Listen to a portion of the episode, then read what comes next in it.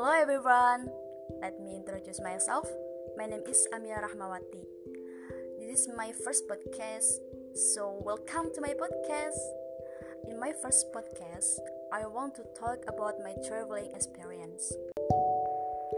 Four years ago, when I was to grade senior high school, my school held study tour to Jakarta. We depart from Larangan at 9 p.m. to Jakarta at 3 a.m. When we arrived in Jakarta, we stayed at the Hotel Happy Hopi. There we took a bath, prayer, and breakfast. Then, at 7 a.m., we went to the Museum Bank Indonesia. At the Museum Bank Indonesia, we can learn a lot of history about the founding of Bank Indonesia. After that, we headed to Kota Tua. There, we also didn't forget to take picture.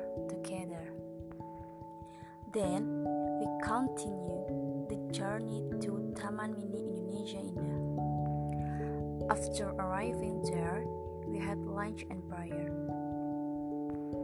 Next,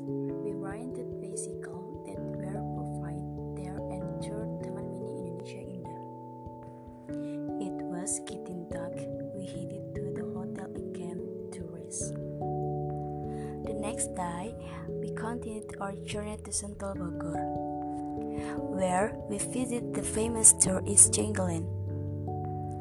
In Jungleland, I only played Sweetwater and Kora Kora. After that, I and my friends roamed Jungleland. After playing and looking around the game, we continue our journey to the shopping center is ATC.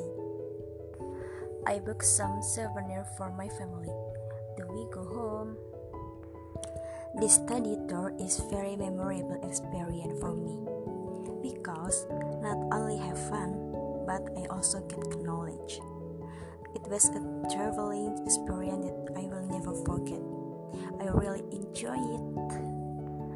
Maybe this is the story of my traveling experience. I hope you like and enjoy. Bye bye.